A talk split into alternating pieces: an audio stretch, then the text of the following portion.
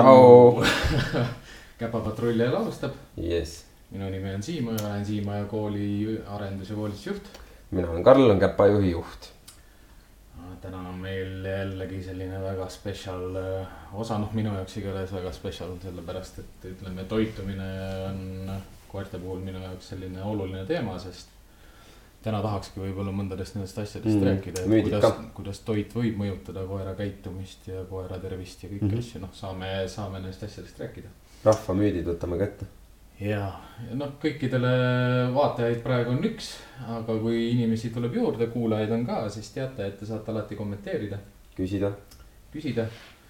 Ja me kõik küsimused loeme ette ja siis meie külaline vastab, aga selleks, et me saaksime teada, et kes meil täna külas on, äkki ta tutvustab ennast? siis külaline saab meid enna- ise tutvustada ja siis see küsimus alati, mis meil küsi-, külalisel on, et kes sa oled, kust sa tuled ja kuhu sa lähed. tere, tere kõigile. ja no kes ma siis olen, ma olen äh, Julia Abram, hariduselt loomaarst.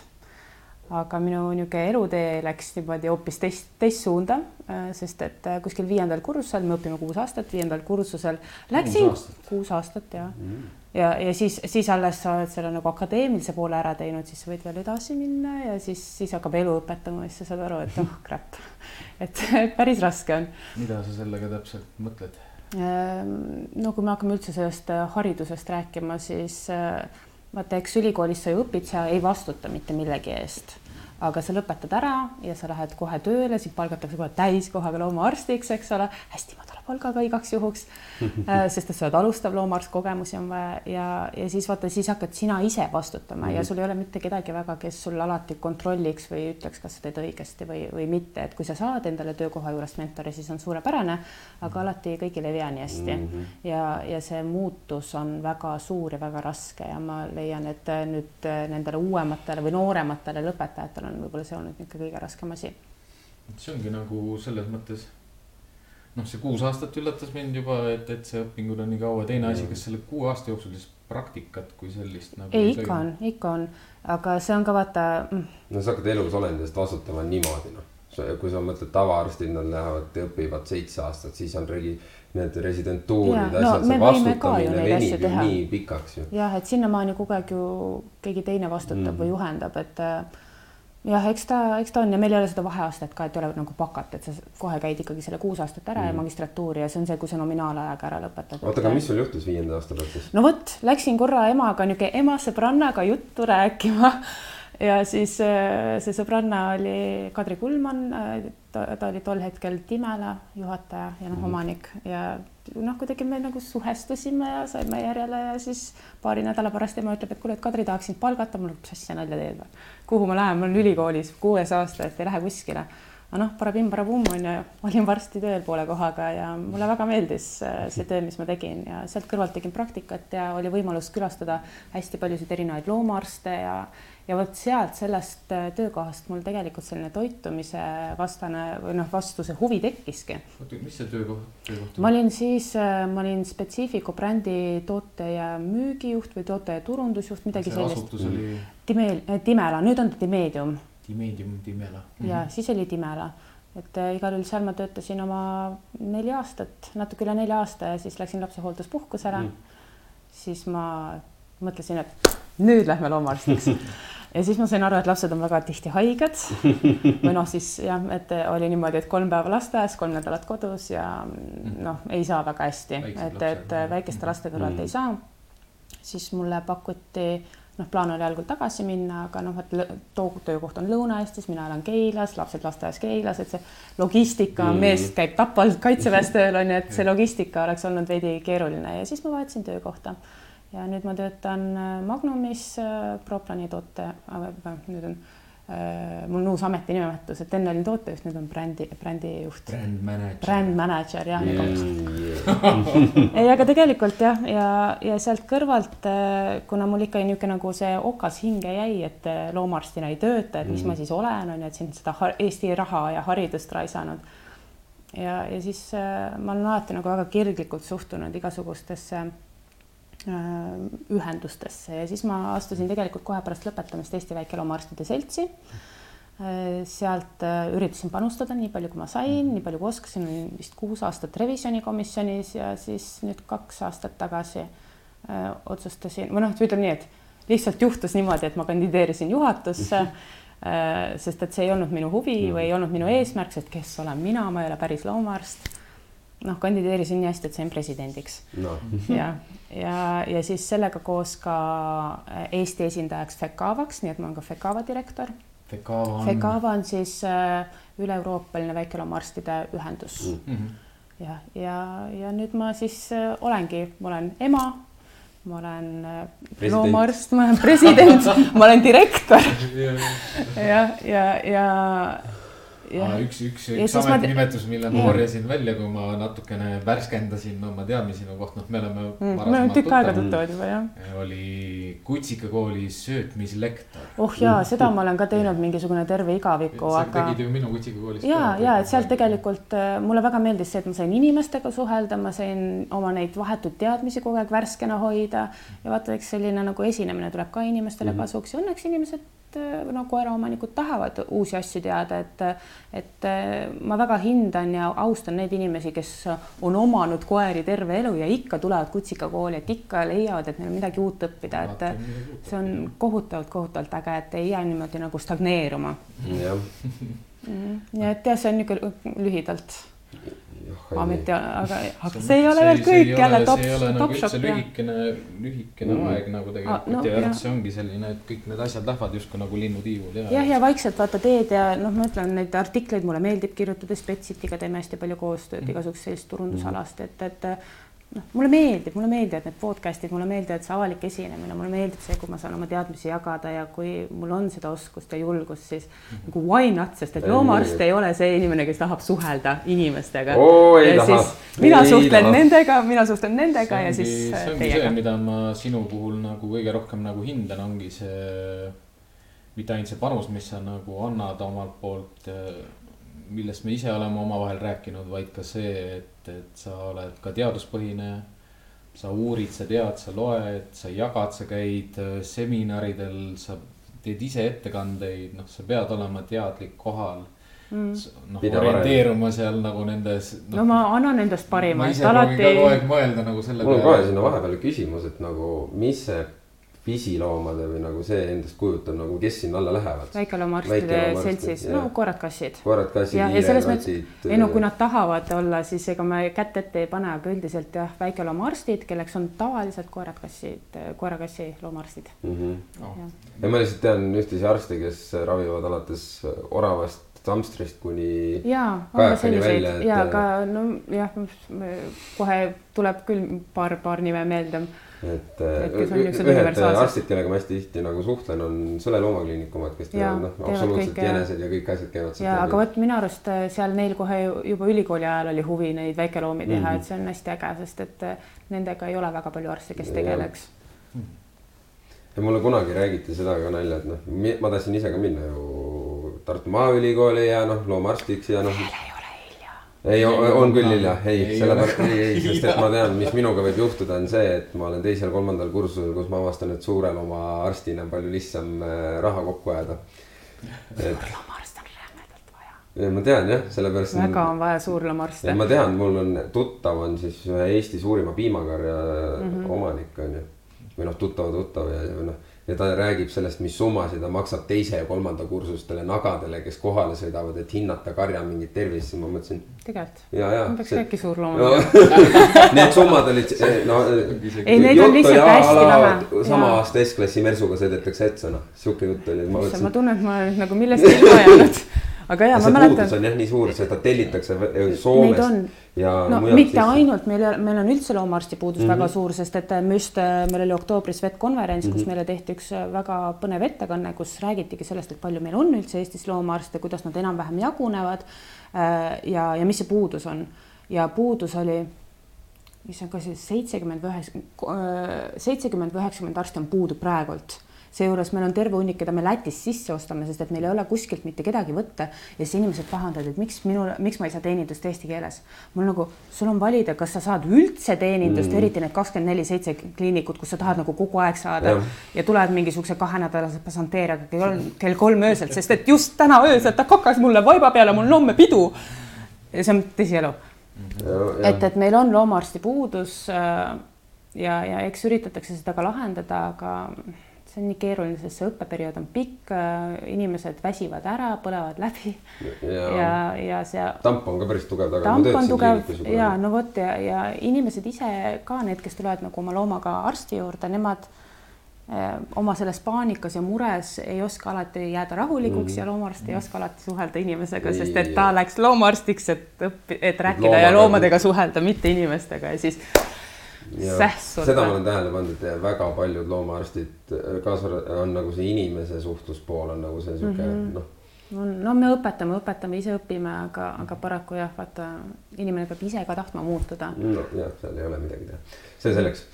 noh, ongi, ei noh, see on mõnes mõttes nagu huvitav kuulata jah, mul, mul mõte liikus lihtsalt sinna peale just, et, et noh, veterinaare on vähe või loomaarste on vähe. ja noh, need, need loomaarstid, kes meil on kuidas sulle endale tundub nagu, et äh, kui teadlikud nad on näiteks koerte toitumisest, kui palju nende see toitumissoovitused on mõjutatud mingist mm. frantsiisist? seleta mulle, mida sa mõtled frantsiisi lepingu all sest et miks ma küsin seda? kindlad toidupakid, äh, kindla ettevõtte omad mm.. noh, sa ei näe väga palju erinevate loomaarstide juures nagu erinevate tootjate no kõik oleneb sellest, mida ikkagi maale tuuakse, eks ole. no mis mina olen tähele pannud, ma lihtsalt äh, segan hüppan vahele, on see, et äh, seda nagu ma ei ole küll tähele pannud, et oleks frantsiisiga nii väga seotud, vaid on pigem see, et kasutatakse nende ettevõtete tooteid, millel on meditsiiniline sari on müügil et mm -hmm. nagu veterinaarpunktidest üldiselt ei müüda ju toitu, mis on tavaline koeratoit, sealt kas ongi, kas on mm -hmm. noh, teen reklaami, aga Royal Caninil on, on ju meditsiiniline on ju, Hillsil on meditsiiniline et need on nagu põhilised, mis on ja ma saan aru, miks nad. no proplaan ka. ma tänan, ma tänan lõpuks ei, tegelikult on neid äh, ja äh, see on hästi keeruline teema selles mõttes, et äh, vaata kõik inimesed arvavad, et kõik need toidud lähevad kõik ühte patta aga ei lähe, sest et eriti kui tegemist on nende ravitoitudega, me ütleme, et ravitoidud, tegelikult on nad eriotstarbelised toidud, siis äh, selleks, et ettevõte saaks sellist toodet toota, peab ta jälgima teatud äh, seadusandlust mm, -hmm. seal on eraldi PARNUTS, particular nutritional äh, noh, ma ei mäleta täpselt seda lõppu nüüd mm. -hmm kahju. no ja whatever on ju, aga point on selles, et selleks, et sa saaksid nagu teha toitu, mis on näiteks seedetegevusele kuidagi abistav, siis sa pead, sinu toit peab vastama nendele kindlatele reeglitele, sul peavad olema tehtud katsed, need katsed peavad olema pädevad, need peavad olema, äh, kui neid taas tehakse, tulemused peavad olema samasugused, et sinna läheb tohutult palju raha alla. Ja kui näiteks sa teed toodet, sa paned sinna tohutult palju raha alla, uuringuid, ta töötab aga sul ei ole seda parnutit, ta ei ole selles lepingus mm -hmm. või mhm. selles äh, seadusandluses sees, siis sa ei saa seda müüa kui ravisarja toitu. ja okay., ja ükskõik kui hea ta ka ei ole, niikaua kuni seda, neid nõudmisi ei ole selles dokumendis sees, ei saa seda reklaamida kui erisõitu. aga, aga, aga palju on, aga palju on nõudeid tavatoitudele siis? no vot äh,. sest et nagu see, seal ei saa olla, kui me räägime, mis toidud müügil on tegelikult, et kui meil poes on noh pedigri, noh. no ja, ja. kui, kui me selliseid asju, noh, siis ma võtaksin seal uuri-, uurimuste puhul ka selle küsimuseks, et kui suured on need, noh, see. väljaheite hulk või? palju haiseb, ei, ma mõtlen rohkem seda, et palju koeri osaleb nagu uuringus, et noh. ja see ka. kui, kui, äh, kui relevantsed need. issand, te panete mulle nii palju nagu... küsimusi, ma juba, ma, ma nagu tahan kõik, kõikidele vastata, aga äh, toidumaailm, eks ole äh,. ma ise mõtestan seda niimoodi, et äh, tal on erinevad, äh, erinevatele inimestele erinevad tooted ja üldiselt on kõige laiem on selline see hinnaklass, eks mm ole, aga siis on erisuunitlused. mitte sellest, erinevatele koertele, vaid erinevatele erinevat, inimestele. erinevatele inimestele, sest et inimene on see, kes ostab, jah, ta katab selle koera vajadused, aga reklaam käib ikkagi inimesele mm. -hmm on ju, ja siis see reklaam peabki vastama sellele, mida see inimene ootab, et kes ootab, et see oleks hästi öko, selles mõttes, et oleks kas liharikas? kes tahab liharikas, kes tahab äh, taaskasutatavat pakendit, kes, kes mida ja kõigile on, eks ole. GMO, palun küsi mu käest seda terminit pärast, see on, see on minu see lemmik, et ma arvan, et ma teen endale sildi GMO vaba teesärk ja, ja hudi. jah, täpselt ja siis vaata, need tooted ju jaotatakse veel erinevatesse klassidesse. Äh, on noh, me ma ei tea, öko, öko, ökonoomiline klass, siis on premium, super premium, ultra premium, mega, super, puper, puper. point on selles, et inimesed valivad toitust äh, tihti selle järgi, mis, mis klass on sinna külge pandud. aga see, kas ta on premium, super premium, see noh, seadusandluse seisukohast ei ole mitte mingisuguseid kriteeriumeid, mida see toit peaks täitma, et ta oleks premium super premium, mis tähendab, inimene teeb selle retsepti valmis lükkab super premium külge ja, ja ta võib seal olla ja sa võidki turustada seda toitu niimoodi, sest et tegelikult seal puudub seaduslik äh, ruum, kuhu vahele see peaks mahtuma. ja seda kasutatakse minu arust turunduses rämedalt ära. ja samas äh, kui me vaatame, öelge üks Harju keskmine automark. ma ei tea, Volkswagen, Škoda. no jah, näiteks on ju nii, võtame, võtame selle Škoda. Võtame Škoda, ei, võtame, võtame Toyota, see on võib-olla isegi natuke no, on ju, Toyota on ju ka Eesti rahvaauto. ja kas Toyota suudab teha või tõenäoliselt müüb äh, autot, mis on minimaalse varustusega, on hästi soodne. Mm. -hmm. see on inimesele, kes tõenäoliselt ei taha rattaga käia, aga jõuab juba endale selle miinimumvarustusega auto osta. ja kas, kas Toyota jõuab teha midagi luksusklassi, Lexus ja, peaks olema Toyota oma onju. vist enam vist ei ole või on? aga point on selles, et ta on ühe, ütleme nii, et ta on ühe ettevõtte oma, ta on lihtsalt teine sari, aga ta on. ei no Toyotal endalgi on lõpp, lõpp-brändi. ja siis on neil, neil on maasturid, neil on mm. mingid tavaautod, pereautod, mis iganes mm. seal erinevad seal vahemikus kõik ja siis on see Harju keskmine, eks mm. ole. ja vot toitude maailmas on samamoodi, on suured brändid, kes üritavad pakkuda kõikidele midagi, nad teevad seda miinimumi ja nad teevad seda eleganti niimoodi, et see, kes suudab osta, see ostab sellist mm. asja. no ma ei tea, ravisarja toidud siia või need erisöödad eriti siia kuidagi ei, ei mahutu mm. praeguses, aga see on, ütleme, see on see eri custom made toit mm, -hmm. et, äh, et äh, see, kes tellib endale spetsiaalse no, naksu. ma ikkagi võtaks siia selle, ma natukene tahaks siia väikest täpsustust saada selles suhtes, et Toyota ei ole halb auto. ma arvan, et isegi see ei ole, aga point, point on selles, et ta suudab teha ja siis. suudabki, aga, aga noh, nad ei tee ju hal-, halba. ta ei tee halba. Nad ei ole ju halvad toidud. aga vaata, meil, meil mõeldakse niimoodi, sest et no sorry, kui ma nüüd räägin oma brändist natukene mm, -hmm. et äh, Purina on selline, kes ta teeb kõikidele hinnaklassidele oh,, seejuures ta, ta ongi kogu aeg Purina nimega. Purina on... kõige odavam klassi on siis? Darling ei ole. jah, Darling, Darling näiteks on ju kassisarjas on seal omad need. ma ei tea äh,. no ma, ma ei tea, ma ei ole ammu ostnud kassitoite ega no,. ühesõnaga need, mis on jaemüügi. ja, ja mis tavalises poodides saab ja.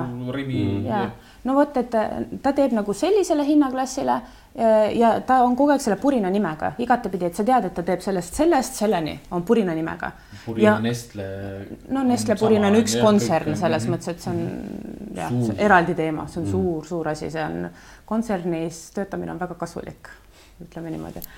eraldi teema eraldi kahetunnine teema aga, aga on ka ju brände, kes teevad samamoodi erinevatele hinnaklassidele, aga neil on igal sellel on oma nimi, nii et mm -hmm. nad ei, ei tule oma nagu selle brändiga välja. brändiga välja ja sest, et äh, Royal käib ju näiteks äh, seal Marsi alla.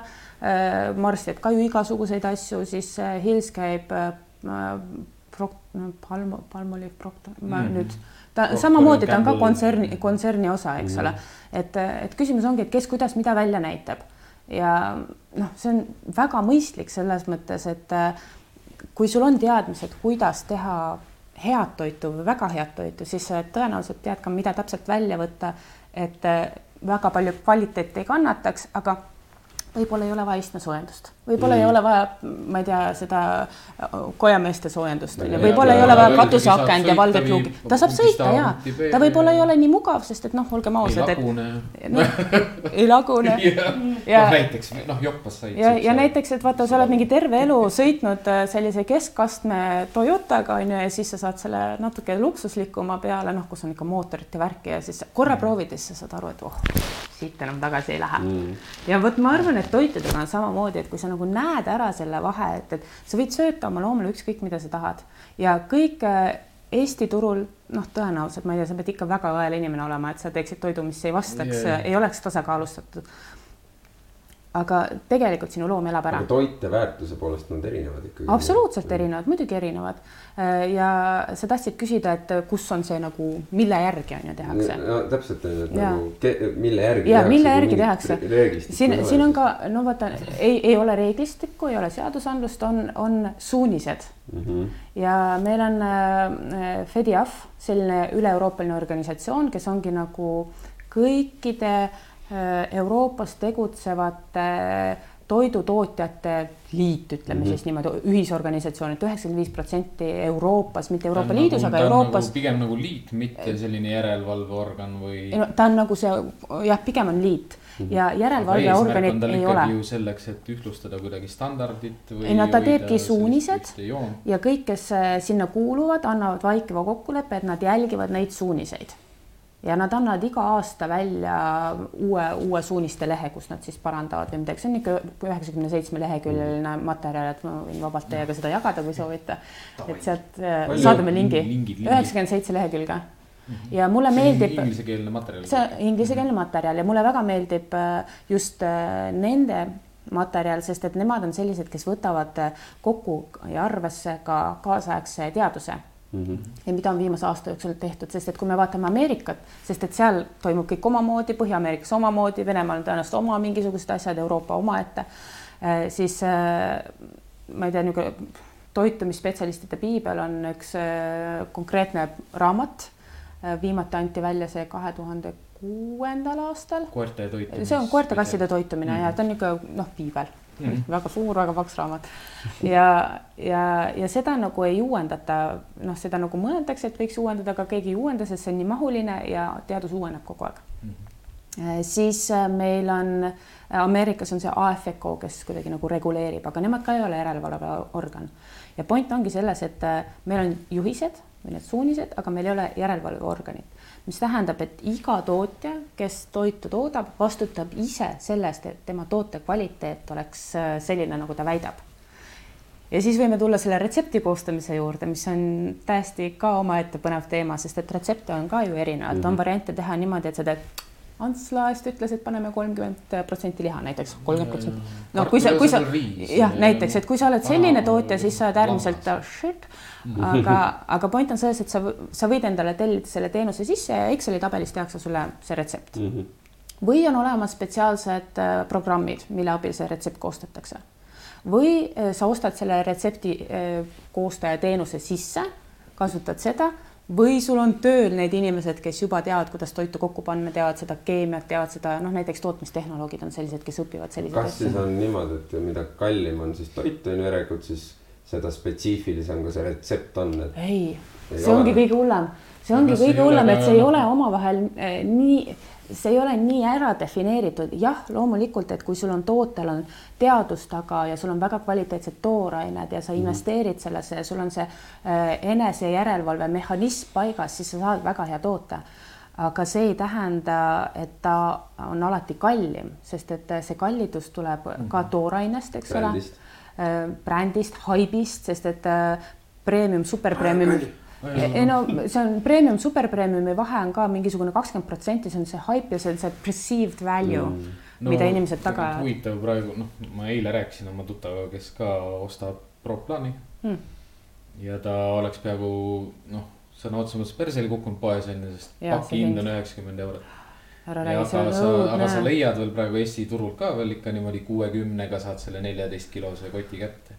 aga ka ju see on ju see on... miks see hind nii kõrgeks on läinud? sest et, äh, sest et tooraine on läinud kallimaks, äh, maaletoojale on äh, hinda tõstetud päris kõvasti. reklaam kallineb. No kõik kallineb mm -hmm. ja vaata, ega kui mitu ettevõtet sul seal vahel on, eks ole, sul on maaletooja, kes toob maale, organiseerib sulle selle transpordi, kes ladustab, kes teeb riigile kõik teavitused, kes ladustab seda asja, kes müüb välja, kellel on programmid, noh, see kõik, see kõik ju maksab, inimesed, kes seda müüvad, teevad mm. -hmm. siis äh, need kauplused, kes ostavad endale sisse, nemad peavad ka ju kasumit saama mm -hmm. nii palju, et nad tuli põleks ja pood näeks ilus välja, eks ole, et, et, mhm. et ongi, et kõik, kõik tahavad ju kuskilt natuke teenida ja see teebki selle hinna kalliks ja, ja vaata noh, paljud tellivad, eks ole, Saksamaalt päris, päris äh, hoogsasti ja ma saan aru, et seal on, seal on see hind oluliselt soodsam, aga nad ei mõtle ka seda, et miks see hind seal soodsam on.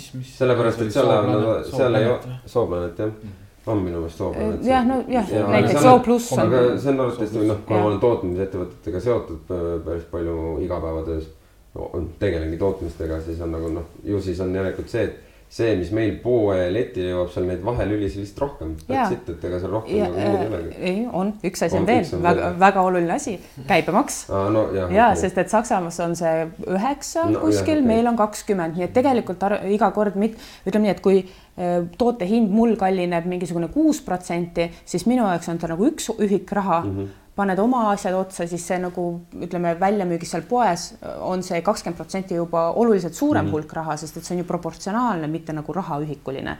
et kui meil oleks ükskõik, mis toodet ostad, igale ühele paned, ma ei, kaks eurot ongi käibemaks, ongi korras, on ju, et ükskõik suur-väike, aga meil on protsentuaalne. see on puhtalt selline hinnakujunduspoliitika jah, aga noh, kui, kui no, sind kuulata, kui sind kuulata ka, siis tegelikult ju premium toit, super premium toidud, nad on kvaliteetsed mitte ainult sellepärast, et näiteks ettevõttel on mingid väärtused või ootused oma kvaliteedile, mida nad tahavad klientidele pakkuda, vaid ka on juba sellised liidud ja organisatsioonid, kes, kellega toidutootjad siis liituvad ja siis hakkavad ka nagu mm -hmm. tegelikult veel tõstma no, justkui oma noh, pakutavat no, toodet no, no, no, not so much. kas, kas noh, niimoodi noh, et kui need GMO-d ja need asjad tulevad sinna paki peale hästi kergesti on ju protsendid ja. ei, see võib tulla, sa võid kas, ikka seal liidus olla, sa võid ikka seal. paki peal on ka need, et me oleme selle liidu liige. ei, ei, ta, aga nagu... sa võid sealt koduleheküljelt vaadata äh, ja, ja seal on kirjas ja noh, ma ütlen, öeldakse et üheksakümmend viis protsenti kõikidest Euroopa tootjatest on seal sees mm. -hmm. mis, aga see, kuidas nad turundust teevad, kuidas nad järelevalvet teevad, et noh, see on juba iga inimese oma asi, noh nagu mina näiteks, mulle meeldib jubedalt käsitööd teha, ma õmblen vahel lastele niisuguseid väikseid nukukesi. ja see on minu enda asi, kas ma pesen selle kanga enne läbi, kui ma selle titele suhu topin või ma ei pese seda kangast läbi. mina tean, et kui ma õmb, näen hästi palju vaeva, õmblen selle mänguasja valmis, panen pesumassi, rosinaks kokku, siis mul on nagu, mul on nagu mingi kolm päeva tööd raisku läinud, eks ole.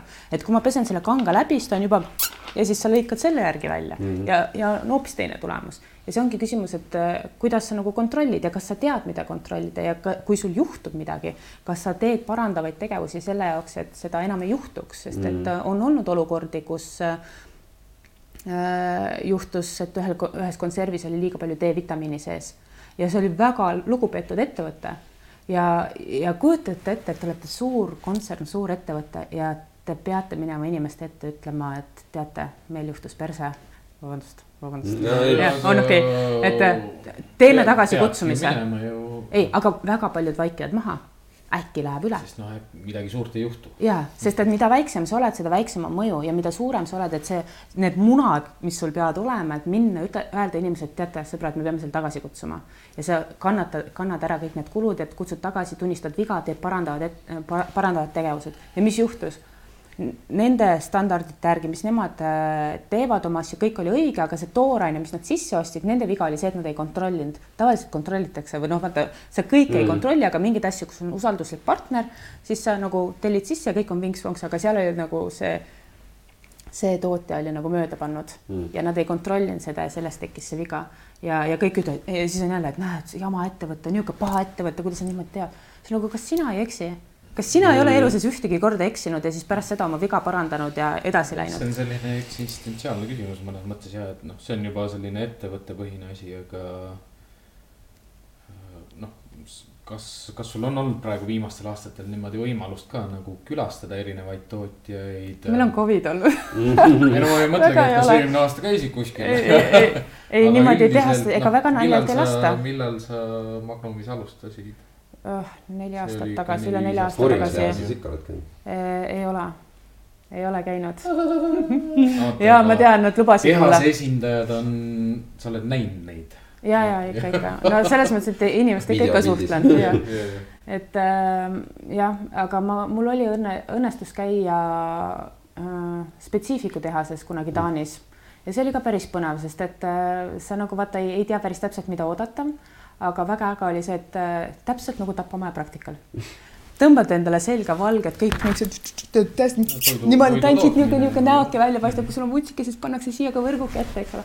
ja, ja siis äh, lähed vaatad, kuidas seda tehakse ongi nagu näed algusest lõpuni ja enamik on ju automatiseeritud, nii et ega väga palju tehastes ei olegi midagi näha, sest kõik on masina all sees, sa näed ainult seda, kuidas see materjal lükatakse ühest otsast sisse, teiselt poolt konserv mm noh, et, et seda nagu ei ole näha ja oi kui hea lõhn aga see ongi, see ongi nagu minu jaoks nagu just selline oluline punkt ka võib-olla selle kogu selle toidu, loomatoidu tootmise juures, et, et alati ei hoomata seda et kui puhas see tegelikult peab olema. see, kes, kes toodab, kui piinlikult seda puhtust hoitakse. ole, jälle ma ütlen, oleneb ettevõttest.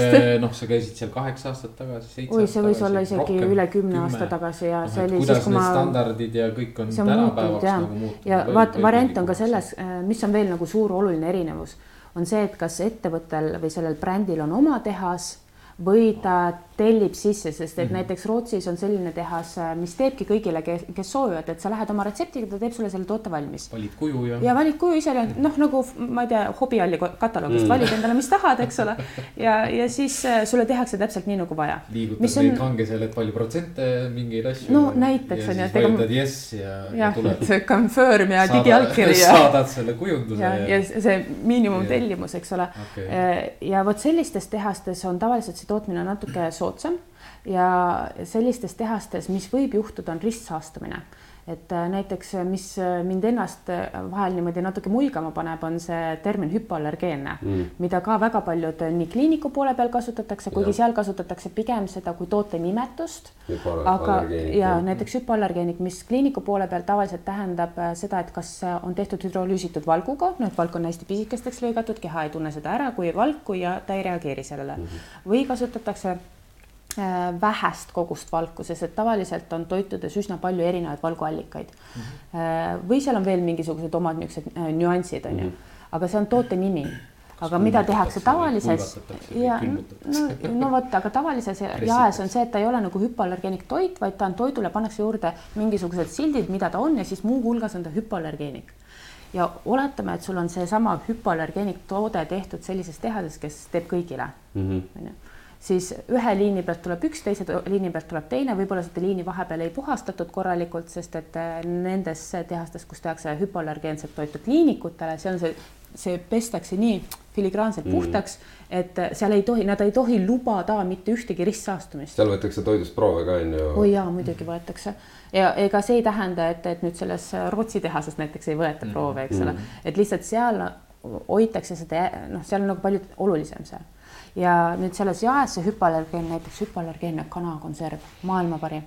ja siis mõtled, et aga kuidas sa ütled seda hüpoallergeenne, et äh, ta, ta võib-olla ühele koerale on, kes ei ole noh, aga teisele mitte et see kana võib-olla või oleneb sellest tarbijast. nii palju, kui ma olen kokku puutunud erinevate, kui noh, võtame koerad, siis on allergikud on ju, neid on hästi palju tänapäeval on ju kana on number üks noh. tead, ma no, julgen vastu vaielda no,, ei ole. mina ise ka kuulan seda kogu aeg see..., et noh, allergiline ja allergiline, allergiline, ma mõtlen, et ma mõtlen ise ka, et no kas ta ikka nagu päriselt on. no nagu, kui me, kui me lähme nagu sinna teadusesse mm -hmm. ja me lähme nagu päriselt ka diagnooside peale, siis äh, ma ei tea, üheksakümmend protsenti allergiatest on keskkonnast tingitud mm., see on õietolm, see on mingi tolmuless, see on siin mis iganes mm. muu ja see toiduallergia või noh, ütleme muud allergiad jääb sinna kuskile kümne protsendi peale, sealt see toiduallergia on nagu no ei, ma mõtlengi toiduallergiast. toiduallergiat on tegelikult väga vähe, aga väga paljud äh, omanikud ähm, vaata, neil on olnud mingisugusel põhjusel üks negatiivne kogemus ja nagu allergia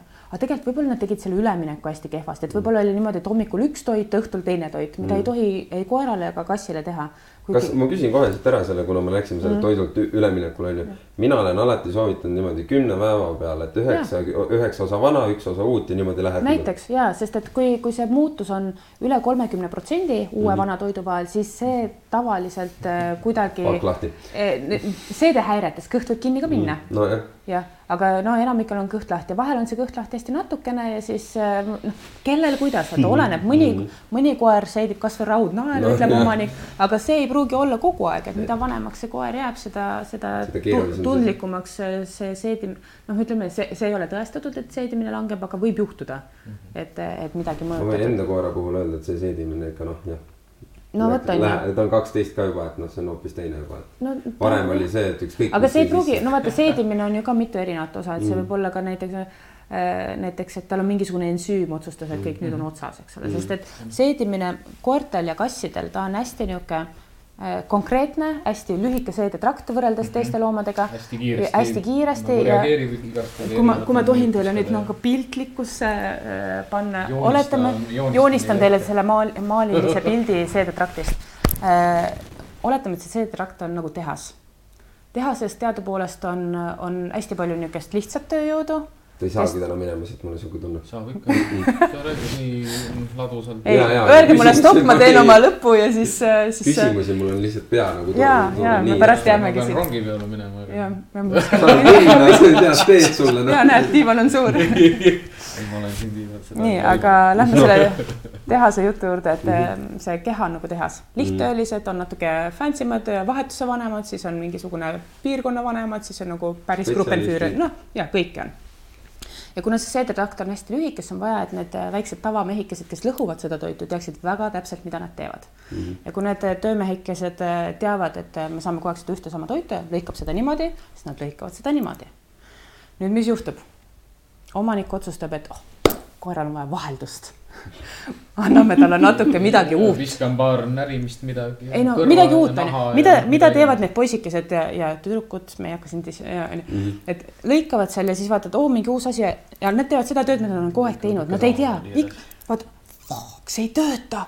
Ja nad ärrituvad, sest nad ei saa palka. Mm., sest et nemad saavad süüa vastavalt sellele, kuidas nad tööd teevad.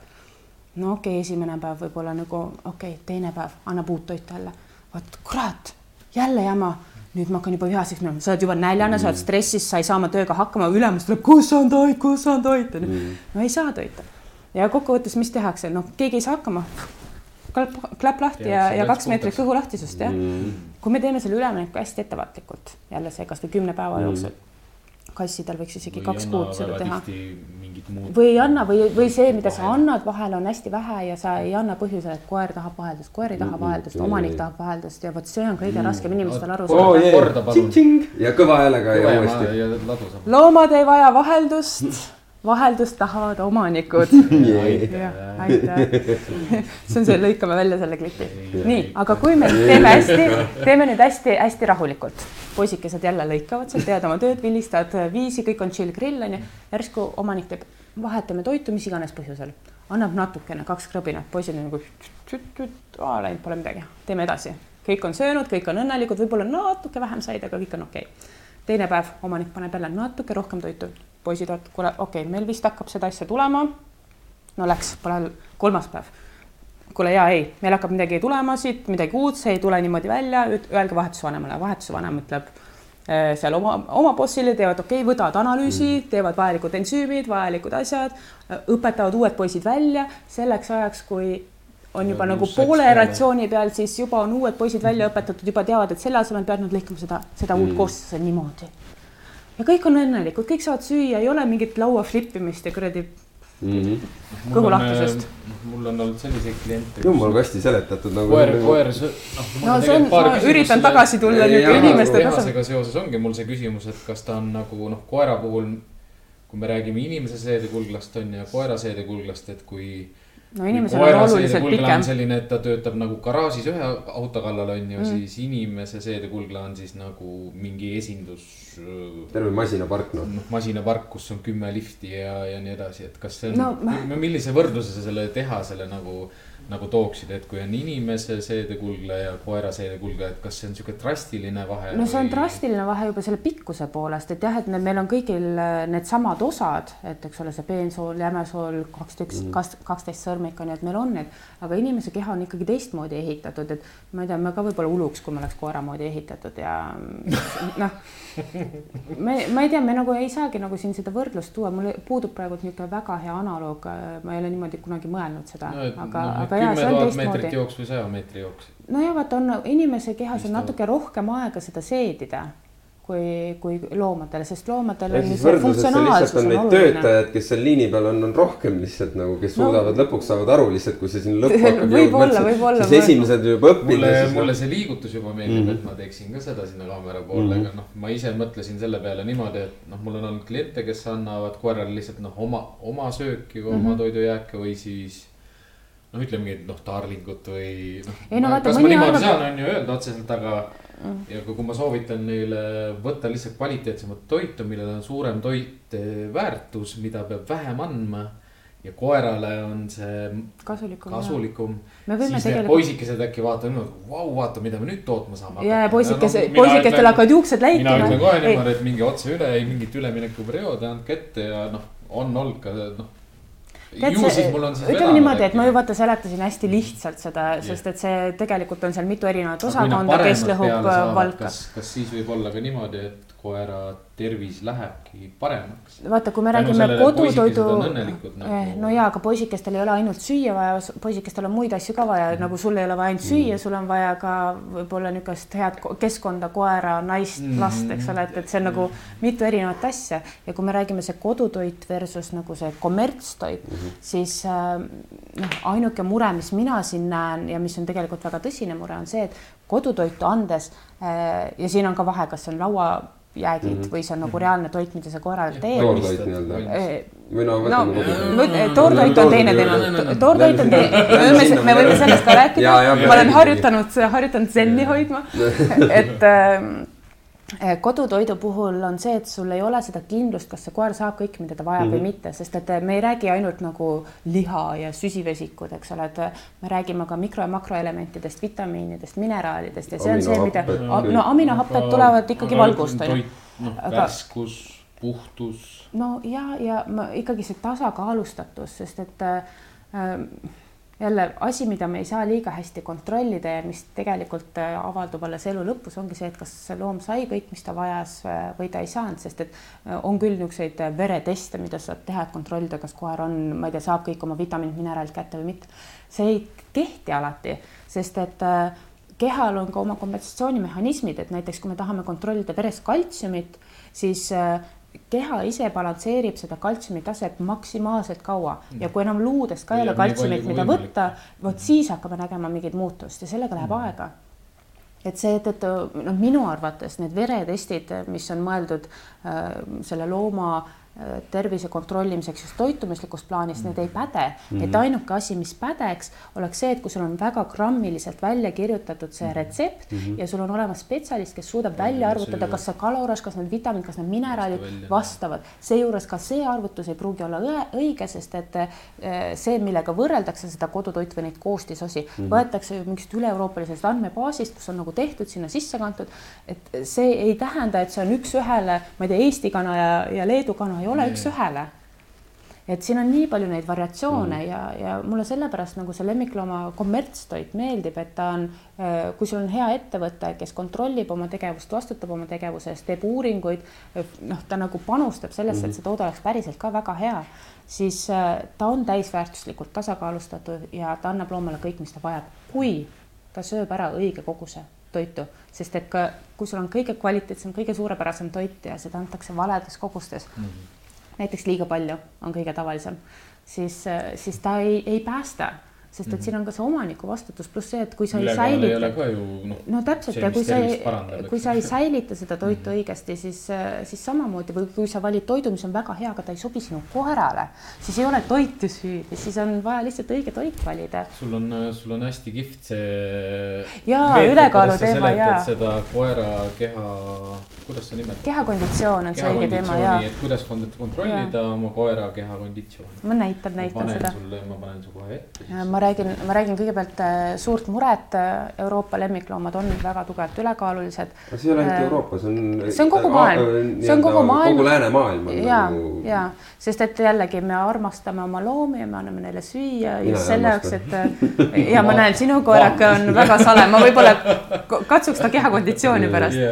aga jah, et igaüks saab kodus ära kontrollida, et kas, millises kehakonditsioonis tema loom on. konditsioon ei ole kaal, kaal ja konditsioon on kaks erinevat asja, sest et on erineva kehatüübiga inimesi, on erineva kehatüübiga koeri ja kasse. Ja, aga mida me saame teha, me paneme selle looma püsti niimoodi, et pea vaatab sinnapoole, saba minu poole, siis katsume roideid niimoodi pehmelt. Ja katsume, üritame just neid tagumisi roideid saada. ja, ja küsimus ongi selles, kuidas me nüüd neid tunnetame. Ja kui me tunnetame neid niimoodi nii nagu siin üle nukkidega jookseme, siis see koer on natuke liiga kõhn. Okay.. ja mm -hmm. kui me jooksutame siit niimoodi sirge käe pealt siit või siit, eks ole, tunnetame neid roideid mm -hmm. naha alt, siis see on ikka suurepärane, see on nagu. no mina ütleks ka. väga hea okay., kui me siit peo pealt üle jooksutame siit pealt just. no sa võid nukkide pealt ka jooksutada, selles mõttes no, nukkide pealt okay. või siit, see on okei okay, ja no, aga kui sa siit jooksutad, siis, äh, siis on juba niimoodi, et siit enam paksemaks ei tohi minna, sa ei tunne enam neid roideid. No, ja, ja kui siit, siis sa armastad oma looma nii-nii väga, et sa tahad teda ära tappa. siin allpool? ei no siit see pehme koha pealt, sa ei tunne ühtegi ei tunne. ja, mida me veel vaatame, me vaatame veel seda, et keha äh, talja oleks, kui ülevalt vaatame, et koeral peab ka talja mm. olema ja see tali peab olema ka mitte ainult fantaasiavili, ma tean, ma olen seda kasvatanud oma koerte peal. ma, ma kuulen seda päris tihti, on ju. ja, aga see talje peab olema ikkagi nagu niimoodi nagu ilus talje, ja selles mõttes, et äh, me oleme harjunud nägema liiga paksusid loomi, näiteks äh, labradorid, me ei, ütleme, kui sa näed saledat ideaalses kehakonditsioonis labradori, siis sa pigem arvad, et ta on äh, nälginud ja alakaaluline. ja, tegelikult Siia on ideaalis, me ei ole, me, me ei ole harjunud nägema mm -hmm. ja mhm. siis me see perception nagu muutub mm. -hmm. nii, ja siis me vaatame kolmandat asja veel, me vaatame, et äh, kui külje pealt koera vaatame või kassi, et siis see kõhujoon oleks ülenev mm -hmm. ja jälle, et ta ei oleks sirge, kassidel on muidugi see kõhulotike, mis seal natuke mm -hmm. vahepeal segab ja tekitab segadust, aga et ta oleks ikkagi niisugune ülespoole ja ka jälle, et mitte liiga fantaasiavili. ja isegi need koerad, kes ongi niisugused hästi, ma ei tea, ristkülikukujulised äh, hästi suure rinnakorviga, mitte sügava, vaid suure rinnakorviga nagu ongi igasugused koerad ja palun ära, me me ei räägi nendest nööbininadest. nööbininadest mul on väga-väga tugev mm. -hmm. me võime, me võime tegelikult sellest rääkida, sest inimesed peavad teadma, et need tõud on väga haiged ja, ja ja, ja see ei ole nunnu, kui su koer on kogu aeg stabiilselt ja mitte ainult, ta on nagu kui, oi kui nunnu, nii nunnu ja, ja siis me söödame ja me sööd, söödame ta veel paksuks, eks ole, siis lähme suvel jalutama, onju. et. Äh, siin pood-, jaa, aga siin, siin võib nagu neid teemasid julgelt puudutada. selles mõttes, et see, nagu- see ei ole üldse okei. saame sellest noh, murest. ja see ei ole ainult, see ei ole ainult äh, ju just need koerad, on ka teisi koeraliike, mis näevad nagu ka nunnud ja toredad välja, nagu näiteks äh, kavaljeerid. aga keel ei mahu suhu ära. aga mitte ainult, noh, aga nendel on jälle omad probleemid probleemid või, või siis kassidest näiteks see Scottish Fold, mis on ka väga populaarne, üliilus kass on ju. Mm. -hmm aga, aga keegi, see, mis tekitab neil armsad lontkõrvad, see on üks geneetiline mutatsioon, mis äh, väljendub siis selle kõhre äh,, ma ei oskagi nagu nüüd seda õiget sõna öelda, nagu pehmus, mis see äh,, mille tõttu on neil ka liigestega väga tugevad probleemid ja, ja nad, neil on väga-väga valus mm, nad elu lõpus nad nagu ei ela enam normaalselt ja no, no neid ei tasuks ja vahetame teemat. juba nii jubedalt, sest. Eh, no aretusest. see, see aretus on eraldi teema. ma lihtsalt ja no,. mulle õudselt meeldib see kehakonditsiooni teema, seal tuleb nagu inimestel teada seda ka, et, et noh, sa ei pea ainult ühte asja kogu aeg kontrollima. ja, ja mitut asja. kõiki asju korraga ta peab. ja sa pead ära ka harjuma, sest et vaata, kui sa näed või saad kaks-kolm korda proovida seda ideaalses kehakaalus, siis sa juba saad aru, mida otsida. näpi teiste koeri ka.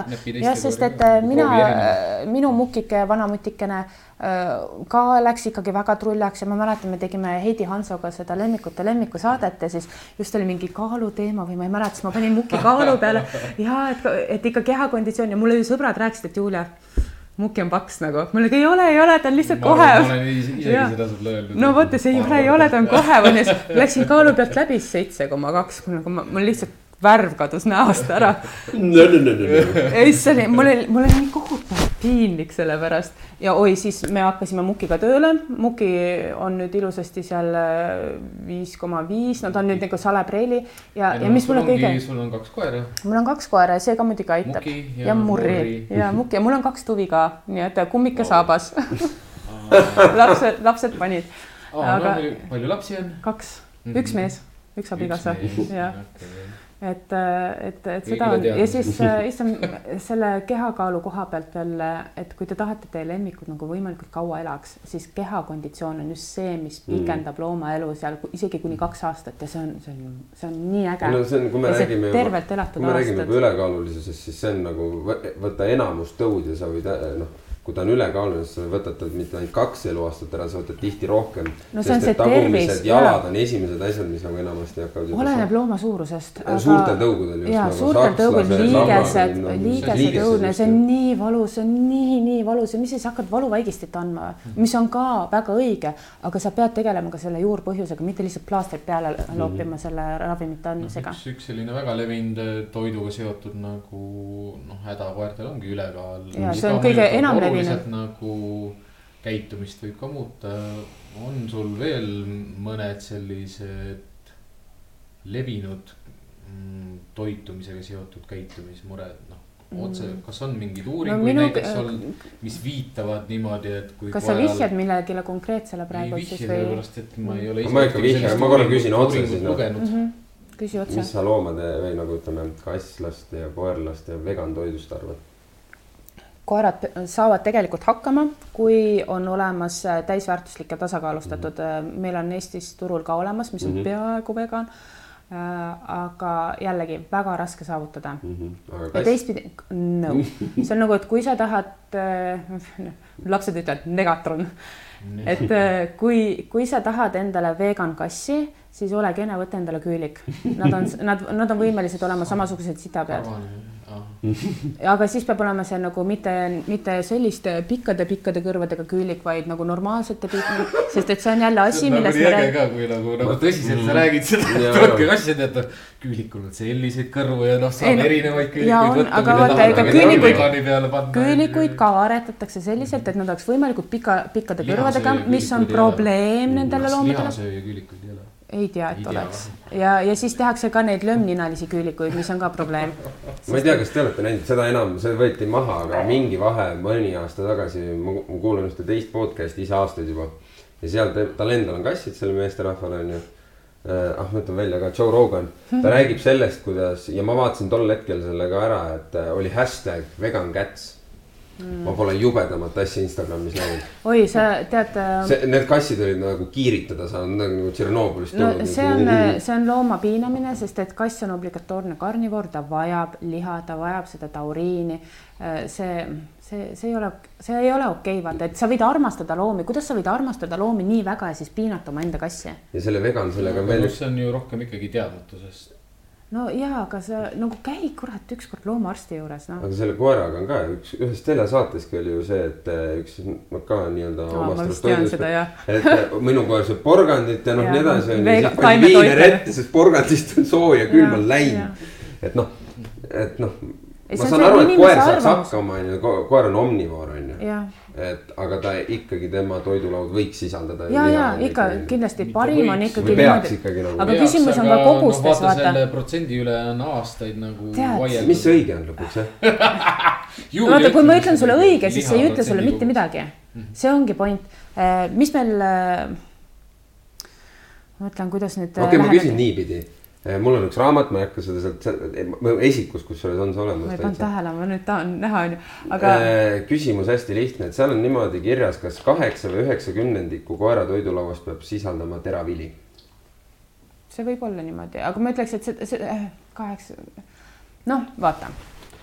kui me hakkame minema seda, seda teed, et mida koer vajab mm -hmm. ja mis on äh, nagu optimaalne mm. -hmm siis ja mis on nagu rahakotile ja keskkonnale optimaalne mm, -hmm. siis äh, tegelikult see koer vajab valku üsna vähe.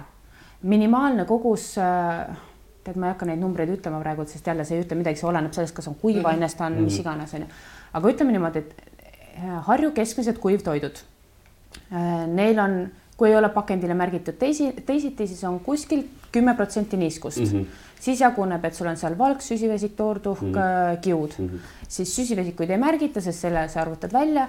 valku ja rasva on erinevad, valku Harju keskmine koer, kakskümmend kilo täiskasvanud, ei ole mingeid probleeme, valgu osakaal võiks olla kuskil kakskümmend kolm, kakskümmend kuus protsenti. Mhm, okei. rasva osas ma ei tea, ma olen nii erineva rasvasisaldusega toite näinud, et, äh, et siin, kui ta on steriliseeritud, siis mina arvan, et see rasvasisaldus peaks olema alla viieteist protsendi. Mhm. mina näen oma koerte pealt, et nii kui nad saavad vii, isegi viisteist ja rohkem, nad lähevad kohe paksuks mm. -hmm. ja siis on, eks ole, see toorkiud, äh, tuhk, mida on ka erinevad protsendid, et see süsivesik ei ole halb. see on väga hea energiaallikas, meil on nagu me võime seda süsivesikut või nagu tegelikult glukoosi, mida see keha vajab, me võime seda saada ka valgust mm. ja keha võib seda valgust teha, aga valgust on seda kallis teha. näiteks rasvast, rasvast äh, sa nagu väga hästi ei, ei teeks, noh, väga keeruline on teha rasvast. et. aga sellepärast ongi siis nii-öelda need tooted enamasti ka kallimad, kus on lihasisaldus suurem. ja, aga see on see, et aga koer ei talleta liha mm. -hmm või seda valku, ta ei mhm. talleta, see läheb äh, välja, see on lihtsalt äh, kallis piss, pluss ta, mhm. kui sul on probleeme sellel koeral näiteks neeruga mm, -hmm. siis neerudega, siis see läheb läbi neerude, see koormab neerusid ja kokkuvõttes see on nagu, me peame meeles pidama, et meie lemmikud konkureerivad ka meie toidulauaga. eriti kui me tahame oma lemmikutele pakkuda seda lihase liha. Ja seda valku on tegelikult maailmas niigi juba väga vähe, me ilma selleta ei oleks see veganlus nii populaarne, ilma selleta me ei avastaks putukaproteiine, et me ei otsiks nagu alternatiivseid, me, meil ei oleks olukorda, kus me peame laborites eh, lihase liha ehitama, meil on defitsiit ja nüüd me paneme koera, sest arvates, et koer on väga tugev karni, on vaja väga palju just lihase liha, liha, liha, mitte subprodukte seal süda, kopsud mm, -hmm. maks, mis on suurepärane aminohappetallikas siis ta ikkagi konkureerib selle inimese toidulauaga. jällegi äh, ja, ja kuhu me siis need rupskid paneme, sest et tapamajas on ju kogu see lihakeha on üks väärtus, see on vaja kuskile kuidagi ära kasutada, nahk läheb kottideks ja kingadeks, selle vaibaks. siis paned, kui sa rupskid ei taha. jah, täpselt, lapsi paneme paha, halvasti käituvaid lapsi. no vaata jah, et see lihakeha kasutatakse ära, neid rupskeid ka nii palju, kui inimesed tarbivad, kasutatakse, aga kõikides piirkondades ei ole näiteks kombeks verd, verikäkis tarbida mm. Ja, või siis seal seda maksa või südant süüa ja seda pannakse lemmikloomatoitude sisse, mis on väga mõistlik äh, ressursi kasutamine mm., sest mida me muidu teeme, me kas põletame või matame maha, mis tekitab CO2, mis on keskkonnale kahjulik. tuhahunnik lihtsalt. jah, ja, ja, ja see minu rõhk on sellel, et me ei pea hästi palju seda lihase liha loomale andma, me peame andma talle täpselt nii palju, kui see loom vajab. rohkem ei ole vaja, nagu meiegi, no mina tean, et ma söön natuke rohkem, kui ma vajan ma tegelikult noh, me tarbime, me tarbime rohkem, kui meil vaja on. aga, aga vaata loomal me saame ise kontrollida ja loomade suhte vahel on nagu see kontroll aga kergem. kuna sa räägid sellest liha ja sellest, siis ma nüüd kohe lähen sinna teemasse, mis no, kõrvutab, oota, ma tahan selle ära küsida. no küsi, küsi ja.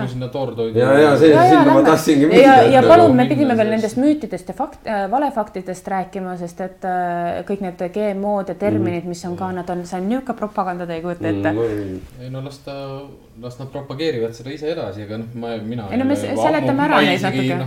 ei no minu jaoks viimase aja nagu kõige suurem müüt on nagu, mida nagu ongi see, et toortoit on parem, kui on krõbin. no ja, aga vaata, küsimus on selles, et mille, mis osas ta on parem. koerale parem. no aga miks? sellepärast, et väljaheiteid on vähem ja hingeõhk ei haise. jah kaks sellist peamist äh, argumenti, mis no, ma olen kuulnud. okei okay., nojah, vaata. koerale maitseb ja vaata mulle, eh, mulle meeldib vein ja krõps ja minu lastele maitsevad toored makaronid ja vahel suitsukoni, eks ole. see ei tähenda, et see on neile kasulik Mhm. on ju, ja toortoiduga ma saan, ma saan sellest aru, äh, sest et äh, tihti tuuakse sisse, et see evolutsioon, eks mm -hmm. ole, mis kõlab nagu jube hästi, aga kui me mõtleme ka inimese evolutsiooni peale, et me tulime ju, ma ei tea, ahvist või nojah, et, et aga ja me käime, meil on kaks jalga, et miks me, miks me sõidame nelja, neljaveolise maasturiga, eks ole, kõnnijala, see on loomulik, see on evolutsiooniline. et kui meil on tänapäeval tead-, teadus, mis tõestab, näed, kohe mõte läks. räägid toortoidust ju jah, et, et kui meil on tänapäeval teadus ja teadmised, mis väidavad ja tõestavad ümberlükkamatult, et asi töötab, miks me peame sõitma kaarikuga? ja miks me peame sõitma kaarikuga ja, ja toortoidu kõige suuremad mured äh, minu jaoks on see, et esiteks ei ole mitte kuidagi ühtegi uuringut, mis on olnud piisavalt hästi üles ehitatud, et ta tõestaks, et ta oleks kasulikum, kui ta on, kui on näiteks kvaliteetne krõbin, sest et krõbinamaailmas on ka jumal küll seda toitu, sa võid, see võib olla saepuru, mis on põrandalt kokku lükatud ja see võib olla nagu kvaliteetne supertoit et äh, see on see erinevus, pluss. Mhm. mul on toortoidu puhul on alati endal mure olnud mm nagu mhm. see, et kui nagu läbimõeldud on nii-öelda see toortoidu retsept, sest et kui see noh, see on, ma olen aru saanud, nii palju, kui neid erinevaid müüakse, see on ikkagi suurem osas liha on ju, palju see minu meelest peaks seal ikkagi olema nagu a la noh, mustikad, sihuke kõik sihuke mm -hmm. kaalikad asjad sees on ju nagu. ja, aga see ongi see, et vaata see arusaamine toortoidust on väga erinev ja külmkuivatatud toidud on samamoodi toortoit mm. -hmm. et eh, see teine mure, mis minu jaoks toortoiduga on, on eh, see, neid on tegelikult kolm, eks ole eh, see teine mure on siis see, et see tasakaalustatus jälle, et kas see loom saab ikkagi kõik, mis ta vajab mm. -hmm nagu ka selle kodutoidu puhul. nagu ka toidu, kodutoidu puhul, sest et vaata, need arvamused, kuidas seda koostada, on hästi erinevad, kes ütleb, et sa pead küüliku ette viskama ja see on nagu ideaalne, teine ütleb, et ei, ei, et et sul peab olema küüliku kõrv, kaks kanakoiba ja, ja võib-olla natuke putru, et see, see on hästi erinev ja, ja. no seda ma mõtlengi, et, et, et noh, inimese noh, ütleme, et need inimesed, keda ma tean, kes annavad oma koertele toortoitu mm -hmm. noh põhjendab näiteks kasvõi sellega, et ma teen endale ka iga päev valmistan neid toite ette, noh, olen ja, sport, las... sportlik selline ja mulle meeldib valmistada nagu Tek, asju ette. kokkuvõttes on see, et igaüks vastutab ise. kus, kus noh, vastutus lõpuks on inimese käes mm -hmm. jah, aga ilmselt ei olegi noh, kui ma kuulan sinu juttu, siis ei ole sellist. ei ole teaduspõhist tõest. toidukuru kuskil olemas, kes saab öelda, et et söötke nii. et see no, on vaata, õige. ei, no aga ei ole, sest et äh, sul võib olla inimene, kes annab sulle juhised äh, ja kes teab asja väga hästi, aga see ei tähenda, et see, see töötab sinu koera puhul, sest et need on kõik niisugused rusikareeglid mm. ja me peame ikkagi, kas sinu koer on Harju keskmine, ei ole, see on sinu koer mm., sina tead täpselt, eks ole et ta, ta on võib-olla kellegi teise jaoks Harju keskmine, aga sinu jaoks on ta sinu koer mm. -hmm. ja, ja selle toortoidu kolmas mure minu jaoks on äh, hügieen sest et eh, toores liha rikneb väga kiiresti, seal on väga palju haigustekitajaid ja, ja isegi see, et me viskame selle sügavkülma, see, see ei tapa neid baktereid ära sealt, see ei tapa, sest kuidas neid baktereid ja viiruseid teie arvates mm. hoiustatakse mm. laborites? sügavkülmas, see lihtsalt pidurdab nende arengu. ainuke asi, mis eh, need viirused ja bakterid ja parasiidid samamoodi, mis ära tapab, on kuumutamine mm. ja siis on see arusaam, et eh, kui sa, et see toit ei omistu nii hästi, kui sa seda kuumutad. Bullshit väga paljud toitude omistatavus tõuseb oluliselt mhm. kuumutamisega no,. oleneb jälle, millist uuringut sa loed, on ju. oleneb, mida sa kuumutad. mida uuritud ja on. selles mõttes ma olen nõus ja toores liha võib-olla tõesti seedub kiiremini ja võib-olla seda väljaheidet on vähem, aga kui sa annad ainult toorest liha ja sa ei anna seda süsivesikut sinna juurde, siis kustkohast see väljaheide tuleb. pluss äh, me, kui me söödame. sellest väljaheidet ongi vähem. ja sellepärast ongi vähem ja, ja siis on küsimus selles, et kas äh, ähm, mida see, mida sa sööd, see, sa, sa ei sööda ainult oma keha, sa ei sööda ainult oma koera keha, sa toidad ju ka seda mikrobiomi, mis siin sees on. ja mikrobiom ei ela liha peal mm. -hmm. mikrobioom tahab saada kiudu, ta tahab saada seda süsivesikut, ta tahab saada erinevaid asju ja kui, kui me söödame oma seda mikrobiomi eh, tervisliku asjaga, siis eh, ta töötab meie kasuks ja vaata, võib-olla ma arvan, et teie poisid ikka teate, et see, mis toimub peas, see mõjutab ka keha, mõjutab mm -hmm. seedetrakti. enne eksameid, eks ole, et kellel on pasanteeria, kellel mis on ju mm -hmm. aga see töötab ka vastupidi, et see, mis sul toimub siin kõhus, see mõjutab väga tugevalt seda, mis sul peas toimub. ja, ja et see on nagu niisugune noh, see hügieeni teema, ma ütlesin, et seda võiks puudutada, see on nii põnev, see on. hügieeni teema on minu jaoks selline põhiline argument. see on, see on põhiline ja vaata, ma olen ka kuulnud. sa võtsid selle kolmandana ette ja see, see on kolmandana ongi jah, see hügieen, see on problemaatiline, kõik need uuringud ka, mida on tehtud äh, ka kasvõi nagu ütleme, Soome turul müüdavast mm -hmm. toortoidust, seal on seda patogeeni nii palju sees ja loomaarstide kõige suurem mure on see, et seal on sees ka väga palju antibiootikumi resistentset bakterit mis peaks olema väga suur häirekell, sest et isegi kui äh, näiteks loom sööb äh, toortoitu, äh, tema ei reageeri sellele mitte kuidagi, aga seal on väike laps või immuunpuudulik mm. inimene või vanur, kes puutub või puutub kokku või koer tuleb, limpsab korra üle näo. et vot see hakkab mõjutama seda inimest ja ma ei tea, et Eestis oleks olnud, aga väljamaal on olnud juht, juhtumeid, kus on seotud see toortoit lapse surmaga, inimeste surmaga, sest et oli, toit oli saastatud mm. ja see saastatus jah, kuivtoidule esineb ka seda, aga see on oluliselt, oluliselt väiksemates kogustes no,. et, meil et, ei ole ka sellist nagu noh, kontrollgruppi, ütleme, kui, kui toidu peal on palju rohkem. no ja, ja, ja seda, see on ka need, see on ka need mastaabid nagu ütleme no, niimoodi, et. meil tuligi üks küsimus ka. oh, jäi. Äh, Enge, tervitused Engele. ja, tšau Enge. tore, et te perega meid jälle vaatate, suur tänu, et te toetate meid. Äh, et Enge siis vaataski kohe huvi pärast pakilt järgi. nii, ja lasku käia. toorvalku kakskümmend kaheksa protsenti, toorrasva kaheksateist protsenti. toorkiud kolm koma kolm ja pool protsenti. kas valgu ja rasva osakaal veidi suur? aga mis koer on, milline Pitbull. koer on, kuidas? Pitbull Pitbull Amsterdam. no jaa, aga ma mõtlen. nurga alt viisakas.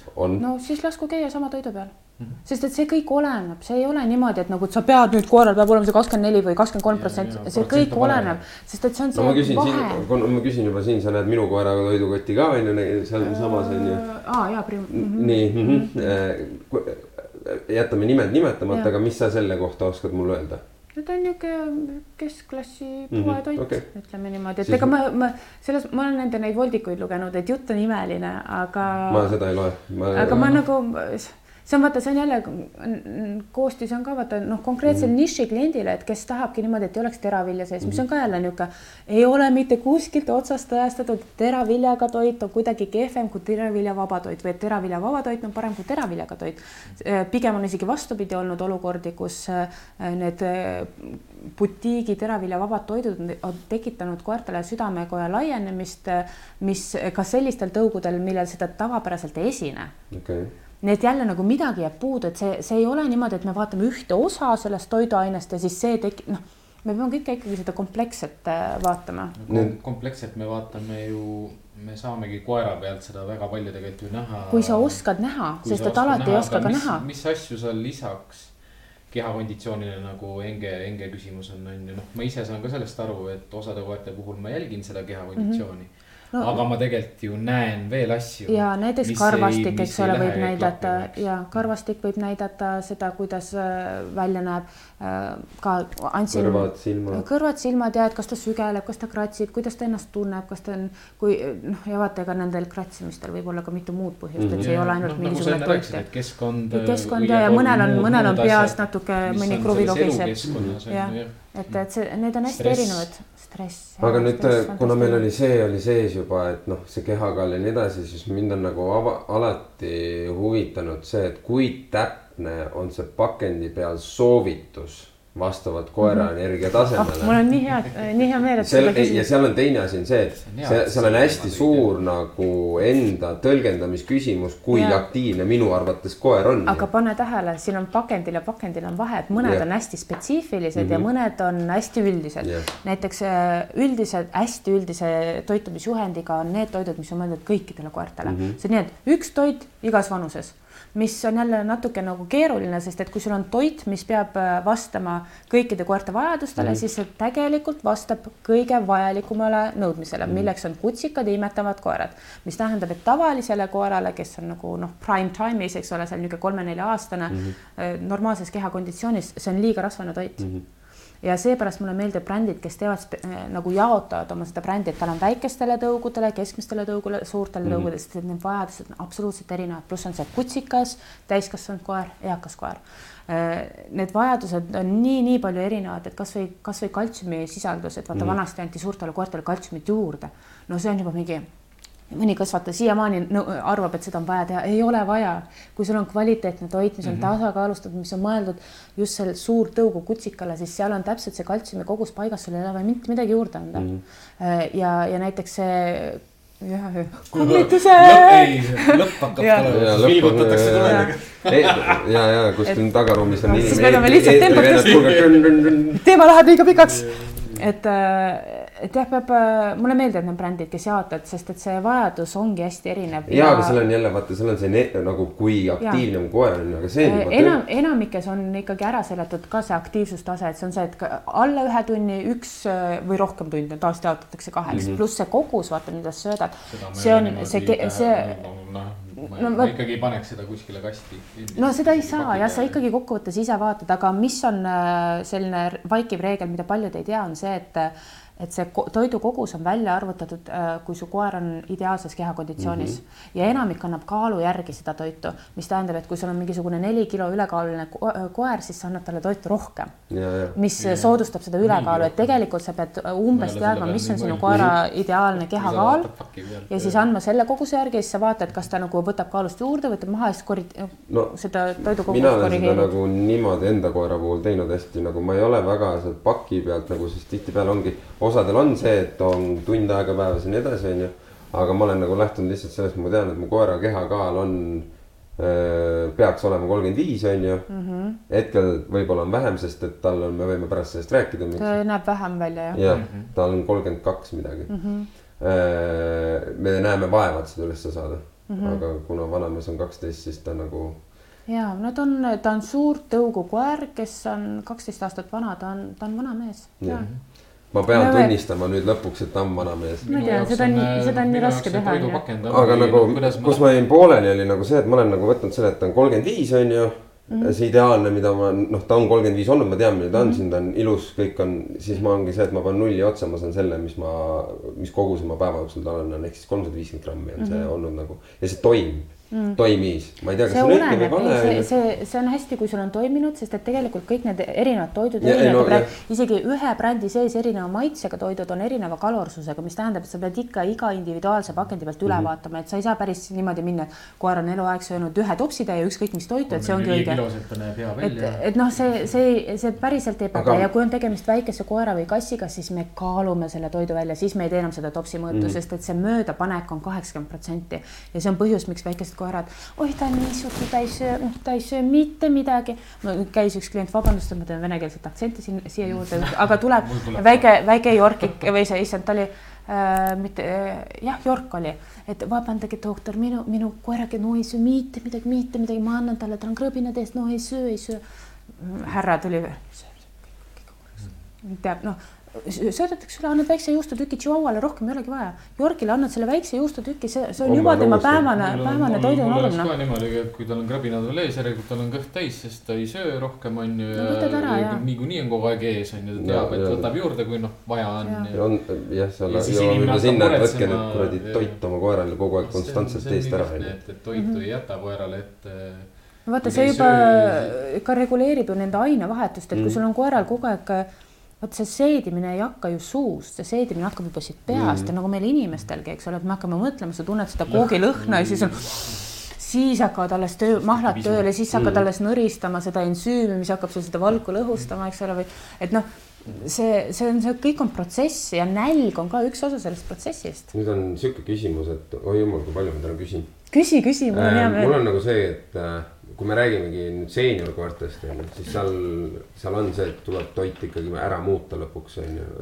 küll jah. sest et nagu, mida ma olen tähele pannud, ta ei omasta enam lihtsalt nii, nagu ta varem omastas. ja, nende vanemate koerte puhul, kõigepealt ei ole olemas vanade koerte puhul mingisuguseid nõudeid, kui meil on mm. kutsikate puhul ja täiskasvanud koerte puhul on nõuded, siis eakate koerte puhul ei ole, aga on juhised ja need juhised soovitavad, et see valk oleks kõrgem, ta oleks hästi kõrgkvaliteetne rasvatase nii ja naa oleneb. aga kui, aga kui ma võtan nüüd enda koera, siis äh, isegi kui ma üritasin selle pika mm -hmm. peale nagu üle minna, siis suurema valgusisaldusega ei noh, tee, mis tahad tead, see on võib-olla eraldi teema, mida me peaks arutama selles mõttes, et vaata neid vana koeratoitisid on ka erinevaid mm. -hmm ja noh, ma ei ole seda koera veel katsunud, aga ma silmaga näen, et on nagu, nagu liiga kõhn ja tõenäoliselt on tal päris korralik lihas atrofeerumine, sest et ta on vana koer, see on mm -hmm. täiesti normaalne.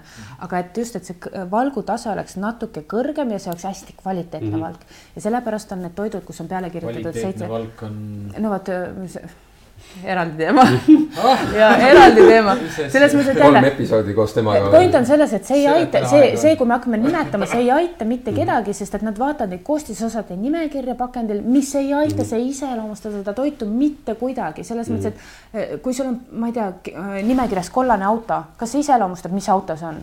ei iseloomusta ju, Aga sa tead ainult seda, et see on nojah, sest et neid on erinevaid, siis vaata sa ja ju see on oskad seda iseloomustada või kvaliteetne valk on see, millel on aminohappeline koostis selline, mis koer vajab paki pealt vaatad. sa ei vaata seda, see ongi see probleem, et sa ei vaata seda, siis ongi, need on need uuringud, see on see, mida see bränd teeb selle tootega mm, -hmm. kuidas ta tõestab, et see on väga hea, pluss see kogemus, mis sul endal on. et, et see ei ole ka ainult ju vaata, see on ka vitamiinid, mineraalid ja vaatad lihasmassi, sest et on lihasmassi konditsioonitabel ka, et Mhm. et seal on nii palju neid asju. jälle vana koera puhul kokkuvõttes äh, need on vanad koerad, ta on nagu elab juba üle oma aastate. Mhm. selles mõttes, et ta on nagu üheksakümne aastane vanamees, et sa lihtsalt, sa rõõmustad iga, iga päev, mis ta on peast veel terve ja. ei, ta on füüsiliselt ka, ta hüppab autosse no ta vot jookseb ja ajab asju taga veel. nii kaua, kuni ta on õnnelik, rõõmus ja ta ei, ei seisa peaga vastu aga tahaks nurka. ikkagi seda keha ülesse saada muidugi. räägime, räägime, mis Jah. teha annab, selles mõttes variante on, et, et äh, eakate loomade puhul mina soovitan kindlasti anda just seda toitu, mis on mõeldud eakatele koertele mm. -hmm. ja, nii, ja kassidele ka. kassid elavad kauem. räägime, räägime nendest äh, müütidest ja valefaktidest ja, ja nendest äh, terminitest. räägime.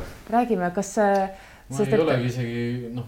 ei no me oleme mingid müüdid, ma olen üritanud nagu läbi lillede koera sisse tuua. toidumaailmast, noh. no räägime sellest olen, näiteks. minu jaoks on hästi lihtne, sest suur koer, Pro-Plan Atletic, sportlik koer, Pro-Plan. no jaa, aga neid brände on ju teisi ka, mis on suurepärased ja väga hästi aitavad ja see, see noh, mina saan ka paki pealt vaadata juba seda mis energia. aga vot küsimus ongi see, et mida pakendi peale aga siis kirjutatakse. ma vaatan juba noh, siis ma vaatan juba hinda ja, ja nii edasi ja ma ikka Jaa. liigun äh, sinna, kus on hinna ja kvaliteedi suhe paigas, ma tean, ma usaldan mm, -hmm. ma olen näinud, ma olen testinud, ma olen proovinud, ma olen kogenud. noh, ma ei ütlegi, et, et, et mul on kellegiga halb kogemus, sest. äh, ja sul võib olla mitme brändiga häid. kogemusi. teisi proovinud küsimus- aga, aga noh, see ongi see küsimus, et mu koer on sale, sportlik, karv läigib, tuju on hea, energiat on palju, noh, et ja kas ma siis nüüd mõtlen, noh, ongi just see, millest sa ka enne rääkisid vaja?, et, kas ma nüüd hakkan vaheldust otsima, on ju. No vot ei ole vaja- no nii kaua seda ühte putru söönud, on ju, et kas ma nüüd annan talle. no ei ole vaja vahel, kui kõik on korras, siis, siis ei ole vaja. No Siis- tegelikult me tõime täna põhiliselt toiduga see, noh, et labrador ongi siukse kujuga, noh, mille me tegelikult. mis on tegelikult paks, on ju, tegelikult ei ole, korgi on siukse kujuga. tegelikult ei ole, ma ütlen, tõugusid, mida ei tasu võtta, on äh, West Highlandi terrier, igasugused nööbininalised kavaljeerid Mm. mm. Ja noh, korgidega on ka nii keeruline, selles mõttes, et no,. nad on nagu välja nägema nagu.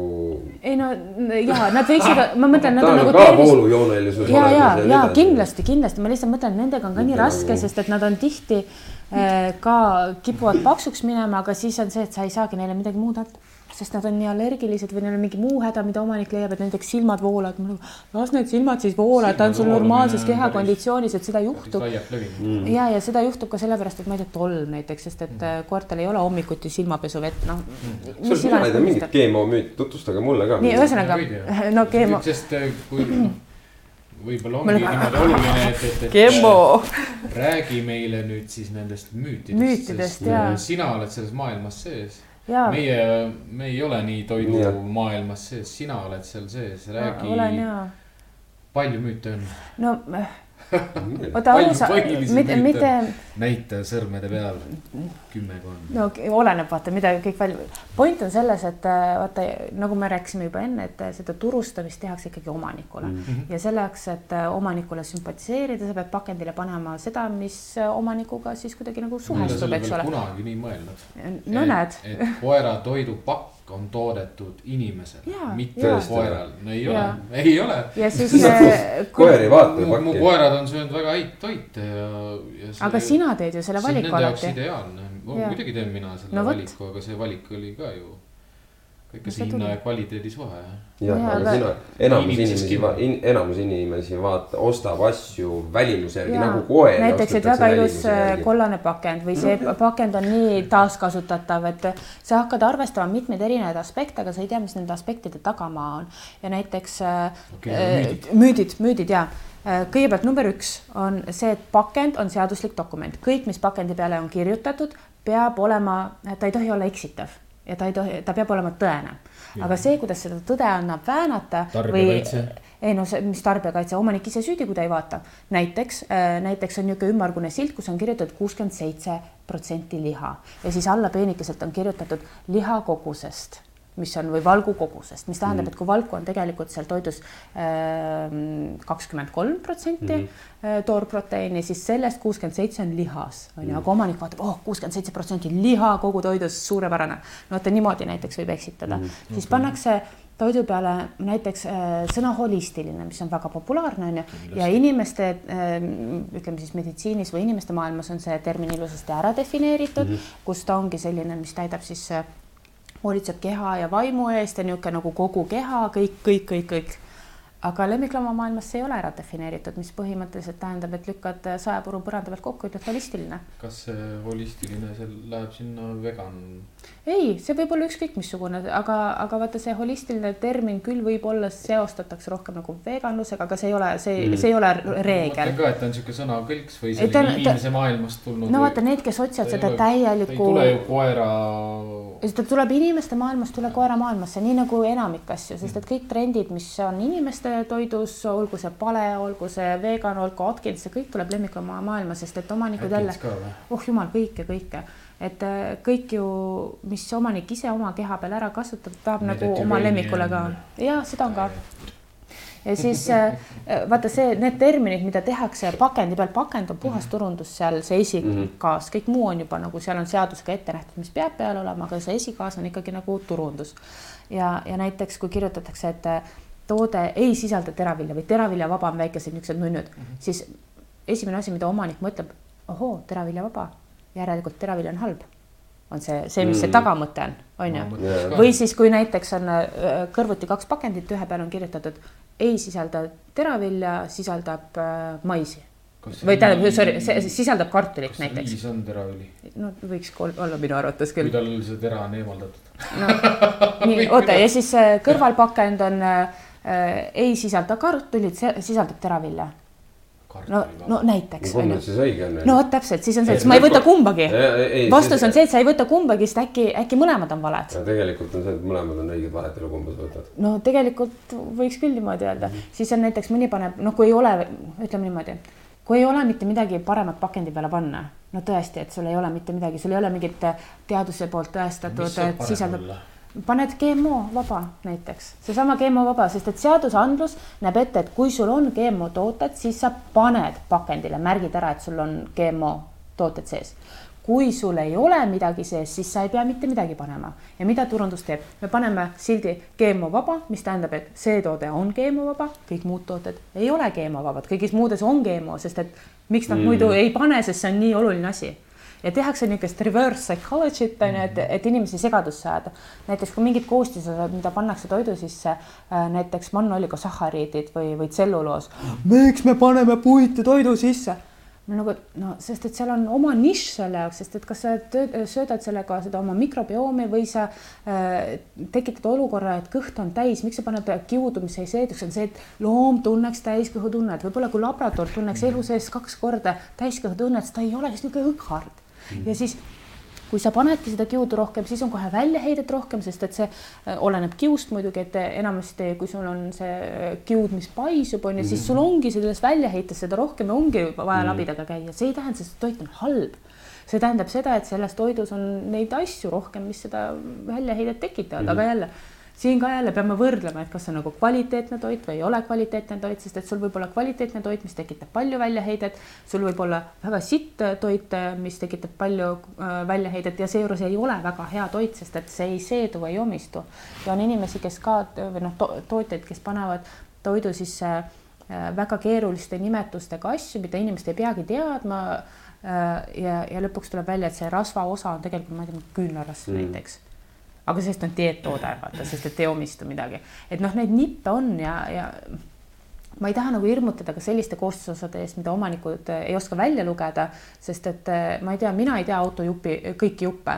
See ei tähenda, et auto on halb või need koostisosad on halvad, see lihtsalt näitab, et ma ei tea neid mm. -hmm. ja ainuke viis, mis minu jaoks on tundunud siiamaani kõige mõistlikum, et kuidas tõesti leida, kas toode on kvaliteetne või mitte, on minna selle tootja koduleheküljele mm -hmm. ja teha uurimustööd, vaadata, mille eest nad seisavad, mille eest, no keegi ei lähe. millised on väärtused, miks nad seda teevad, sest et noh, ma ei, ma ei tea, kasvõi see minu oma bränd, mida ma tohutult armastan on ju, aitäh. aga, aga kui ma teen oma, oma toitumiskonsultatsioone, siis ma soovitan seda, mis on omanikule parim ja ma annan talle variante, olgu see ükskõik mis teine bränd.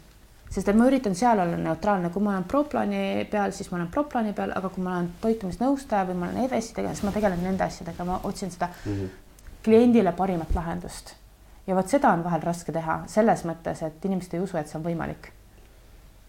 jah, ma kujutan ette, et seda on keeruline teha ei, mul ei ole keeruline, see ongi see, et mul ei ole keeruline.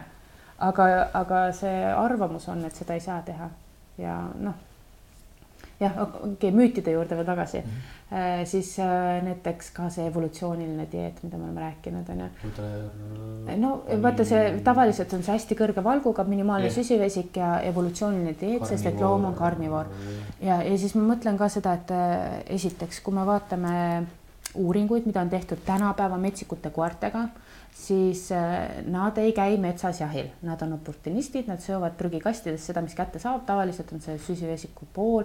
Ja kui me vaatame ajalooliselt, siis puder oli tegelikult kõige tavalisem asi, mida nad sõid. ka Eestis, olgem ausad, ega kui siin. minu vanaisa sõitiski kaarelbe putru koos mingi toidujäänustega, mis eelmisest õhtust oli. ja ütleme nii, et kui siin vaadata mõned sajad aastad tagasi, et kui ikkagi sinu koer käis liha söömas mõisamaa peal, siis äh, see loom lasti maha lihtsalt, et sul ei olnud niisugust küüliku või või mis iganes no,. mõtlemegi selle liha peale selliselt ka, et äh, kalaliha, linnuliha mm., loomaliha, metsloomaliha. kõik on erinev jah. et äh, milline neist näiteks oleks kvaliteetne valk? no kõikides nendes on kvaliteetset valku küsimus on ju jälle vaata, aga siin tuleb ka natuke vaadata seda loomageneetikat, sest et mõned loomad, kes on nagu ütleme siis evolutsiooniliselt heas mõttes mm, -hmm. ongi kasvanud kuskil seal Põhja-Antarktikas, kus söödeti ainult kala, siis sellele koerale võib-olla ongi see kala parim variant. ja, ja kui sul on noh, meil tänapäeval enamik söödab kana, siis see on hea odav tooraine. no ega siin jälle, et ta võis ju sündi olla, olla Lasnamäel sündinud, et ma ei saa niimoodi valgupõhiseks minna mm, -hmm. sest et Äh, loom ei vaja koostisosi. sinu seisukohast see ikkagi ongi selline see, ka müüdi, müüdilaadne. ja, ja, ja ma ütlen, äh, minu see stamplause on see, et loom ei vaja koos, äh, ei vaja nagu koostisosi, ta vajab toitaineid ja mm. toitained on need, millest need kana ja kala ja kõik asjad ko koosnevad. loom ei vaja koostisosi, ta vajab, vajab toitaineid ja mm, -hmm. ja meie loeme koostisosi, mis tegelikult ei taga mitte mingisugust äh, Äh, adekvaatset infot, kui seeduv see toit on, kui omistatav ta on, sest et seedimine ja omistamine on kaks erinevat asja mm. -hmm. et äh, kas loom saab sellest kõik, mis ta vajab, kas ta saab õiges tasakaalus, kas ta saab õiges vahekorras, sest et see võib olla tasakaalustatud toit, aga kui seal on vahekorrad paigast ära mm, -hmm. siis see on ka pepu no.. me, me tulemegi, noh, minule tuli jälle see. ja see jälle poiss ja, mõtleme poiste peale. see tehas on, see on väike, see on käsitöö. ja, ja, ja, ja poisid on pirtsakad. tegelikult väga lihtsad, aga nad ja. on mm., nad on professionaalid. ja, ja nad töötavad ainult söögi eest ja nii kui sööki ei saa, siis on flipid ja, ja mis siis on, siis on see, et. ja nad ei, nad ei taha koostisosi, nad tahavad toitaineid. ja pane tähele ja toitaineid pluss,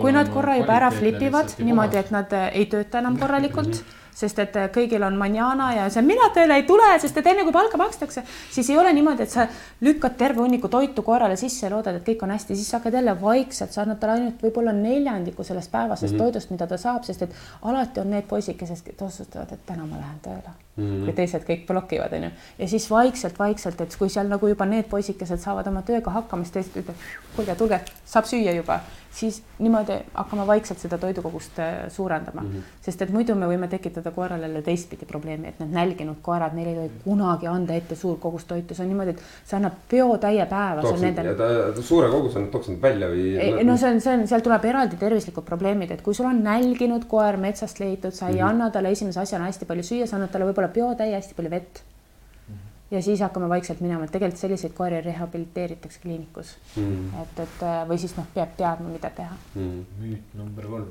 ja no äh, müütid, nii müüt number kolm, mis meil on veel näiteks äh, äh, looduslik.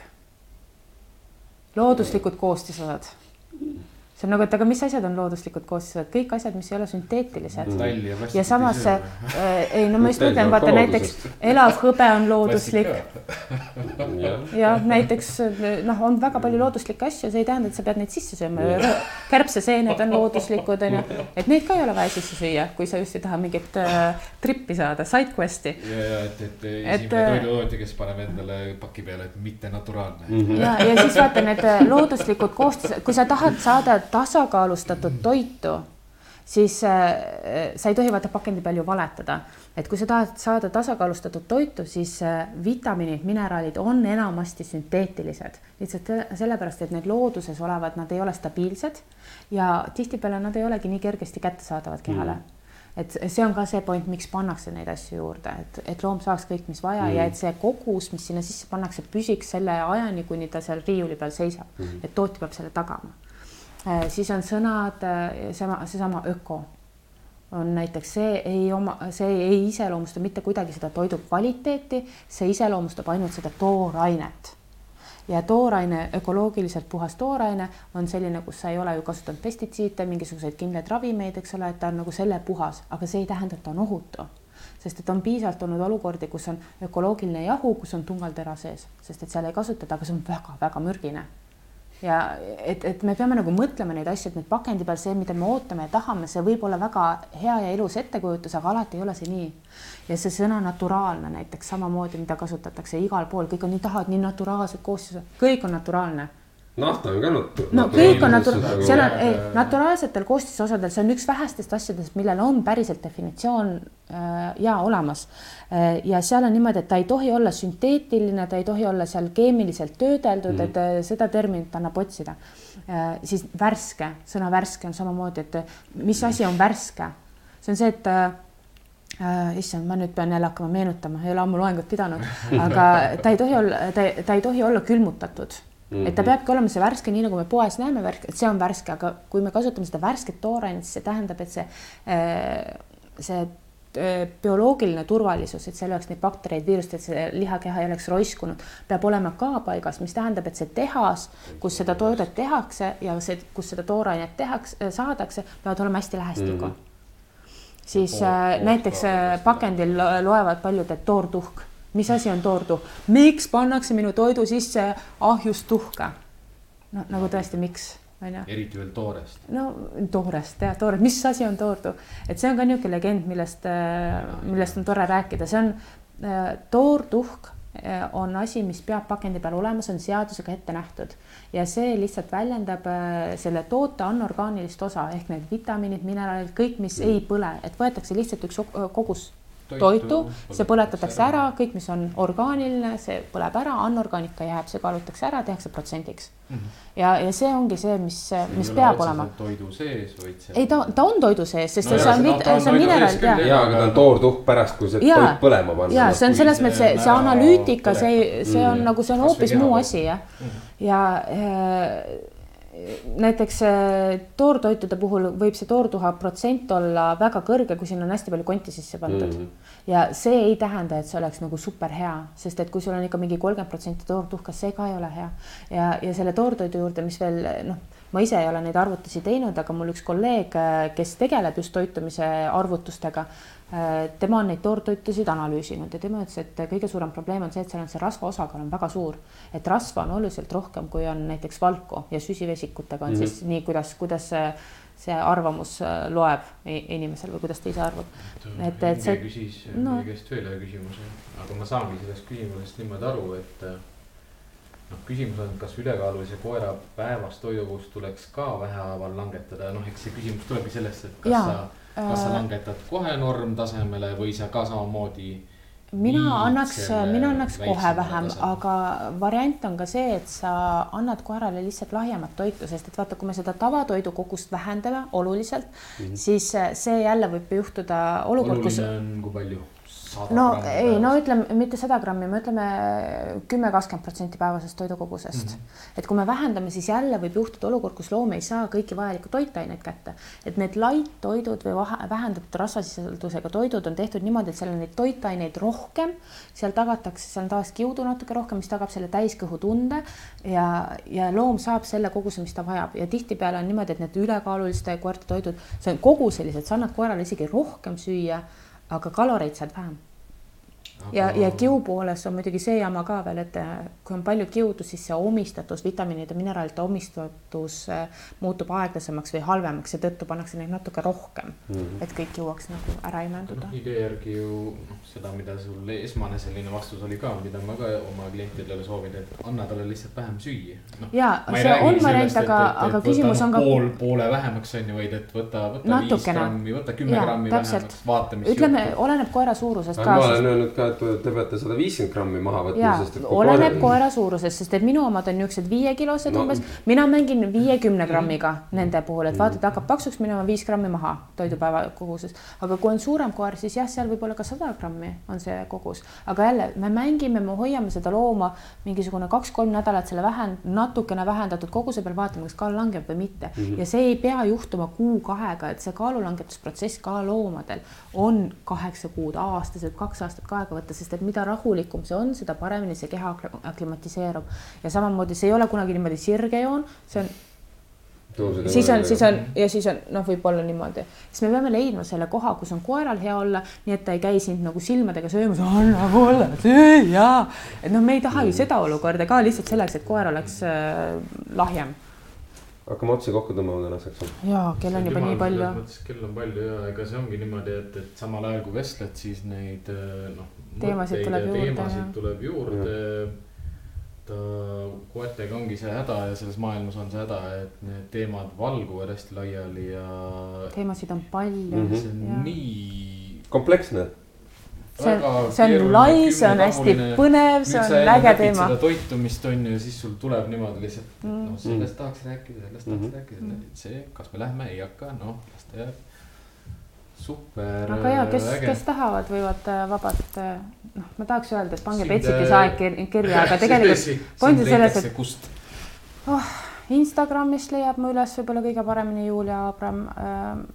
noh, ma ei tea, kes tahab toitumist, nõustamist, siis Betsiti pakub seda teenust, aga ma ei pane aegu välja kunagi, et mul on vaja kirjutada ja siis loota, et mul on palju, piisavalt palju aega, et leida ongi Betsiti ja seal on Betsiti koduleheküljel muud teenused või kuskil niimoodi, et seal on toit, hotelli toitumisnõustamine ja seal on olemas jah, ja siis muidugi ma ei tea, ega läbi Proplani leiab ka mind tõenäoliselt ülesse Mhm. või läbi Eesti Väikeloomaarstide Seltsi leiab mind ka ülesse, et, et kes soovib, siis saab. Facebookist ka jah. jah, ja et ikka, ikka olen üsna leitav. Facebookis ma väga võõraid inimesi ei võta endale sinna sõbralisti, sorry. see on, see on minu isiklik niisugune, et avalikult kõik, mis on avalikult, võib lugeda, aga, aga sõbraks ma võõraid inimesi ei võta. väga hea. Instagram on jah, ja siis ma ei tea, kas te tahtsite mingit loosi ka või? Kuidas teil see loosi värk oli, ei olnud või? me võime teha. ja ma ei tea, et kuidas, selles mõttes, et ma võin kellelegi ühe paki välja panna, ma ei tea veel, mis see on, aga tavaliselt ma teen midagi toredat, et et ma ei tea, mis see, mis need tingimused on.